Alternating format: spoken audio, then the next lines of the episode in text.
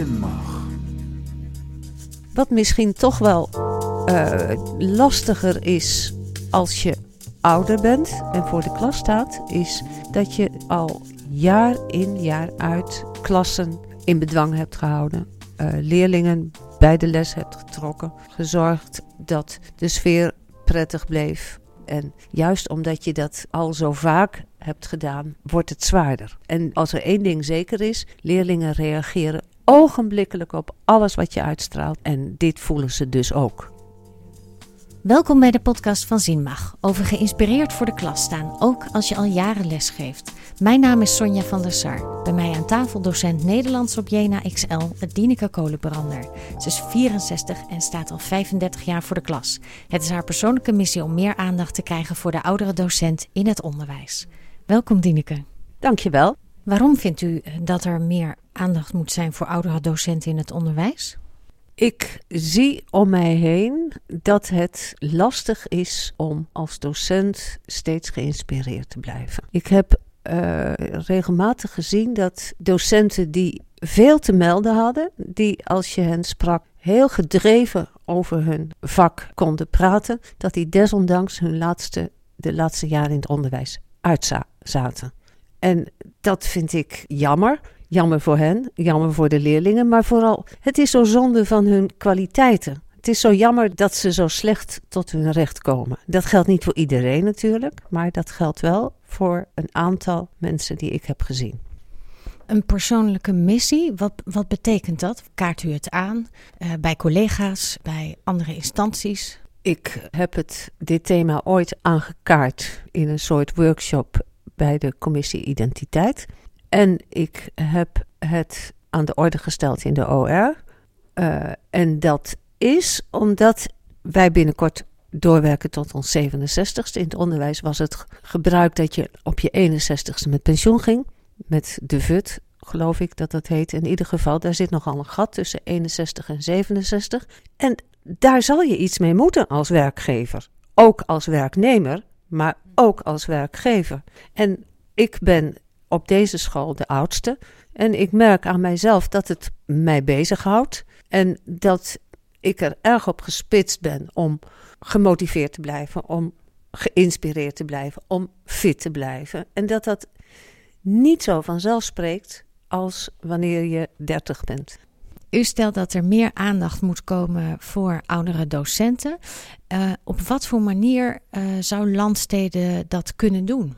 Ik denk, mijn idee is dat Landsteden actief oog moet hebben voor oudere docenten. Dus niet afwachten tot een oudere docent langskomt om eens te praten over uh, hoe houd ik het leven bij deze loopbaan.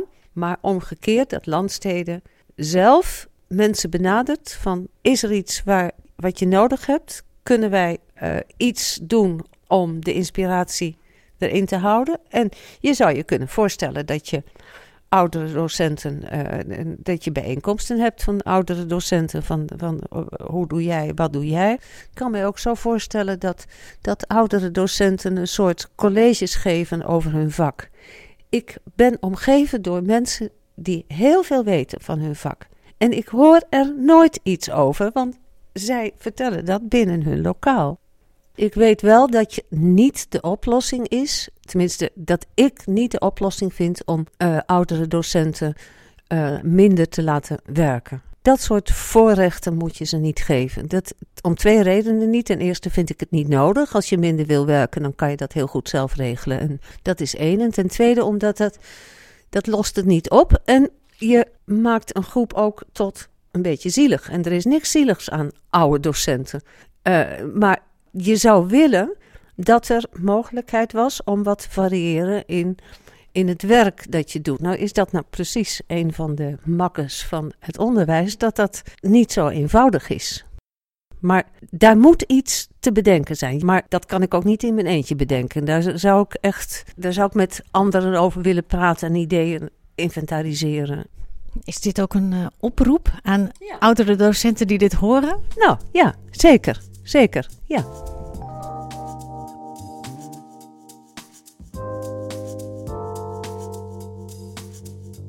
ik zag om mij heen oudere docenten die uh, indutten. En ik dacht, als dat mijn voorland is, dat lijkt mij geen pretje. Op dat moment deed zich de mogelijkheid voor om je te melden voor de opleiding Jena XL in, de, in het voortgezet onderwijs.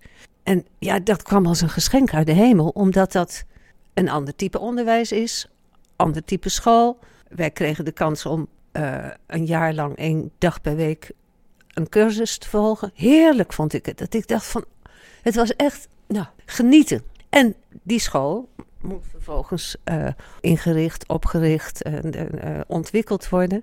Daar heb je erg behoefte aan als je al zo lang meeloopt. Het prikkelen van de geest. Ja, zeker. Oudere docenten hebben vaak inmiddels een enorme kennis over hun vak. En binnen hun lessen komt dat niet altijd goed tot hun recht, terwijl ze zoveel meer te melden hebben.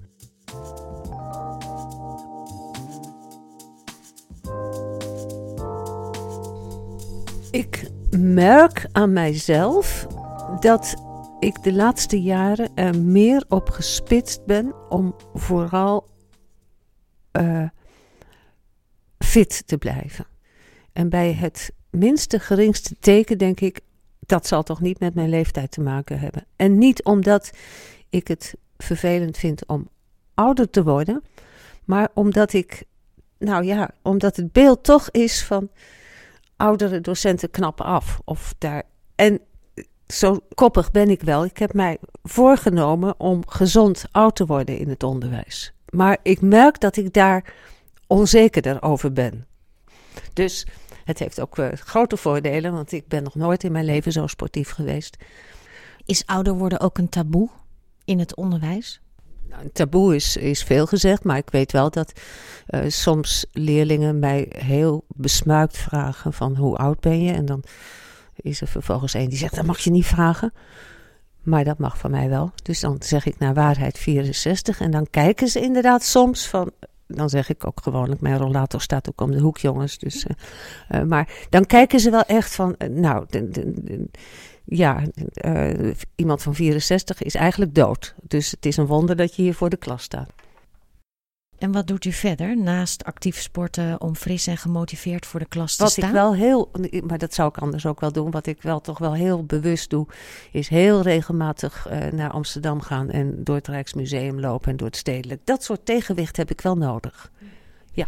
Maar houdt u dat ook geïnspireerd als u voor de klas staat? Ja. Op wat voor manier? Leg, kunt u dat uitleggen? Nou, als ik bijvoorbeeld gisteren was ik uh, in het Rijksmuseum. En sowieso voel ik mij dan net een spons van de, alles wat ik opzuig. En ik zie daar dingen waarover ik vervolgens op de een of andere manier, misschien niet rechtstreeks, maar via een omweg, leidt dat weer tot ideeën. En, en, en, en uh, ik zag uh, het. Um, er staat een prachtig beeld van Multatuli op, op de, een van die bruggen over de gracht. En vandaag kwam ik te spreken over Multatuli. En snap je? En dan komt dat weer even aan de orde. Want dat, dat leidt tot ook inspiratie voor mijn lessen. Dineke Kolenbrander, hartelijk dank voor het gesprek. Jij ook, dankjewel.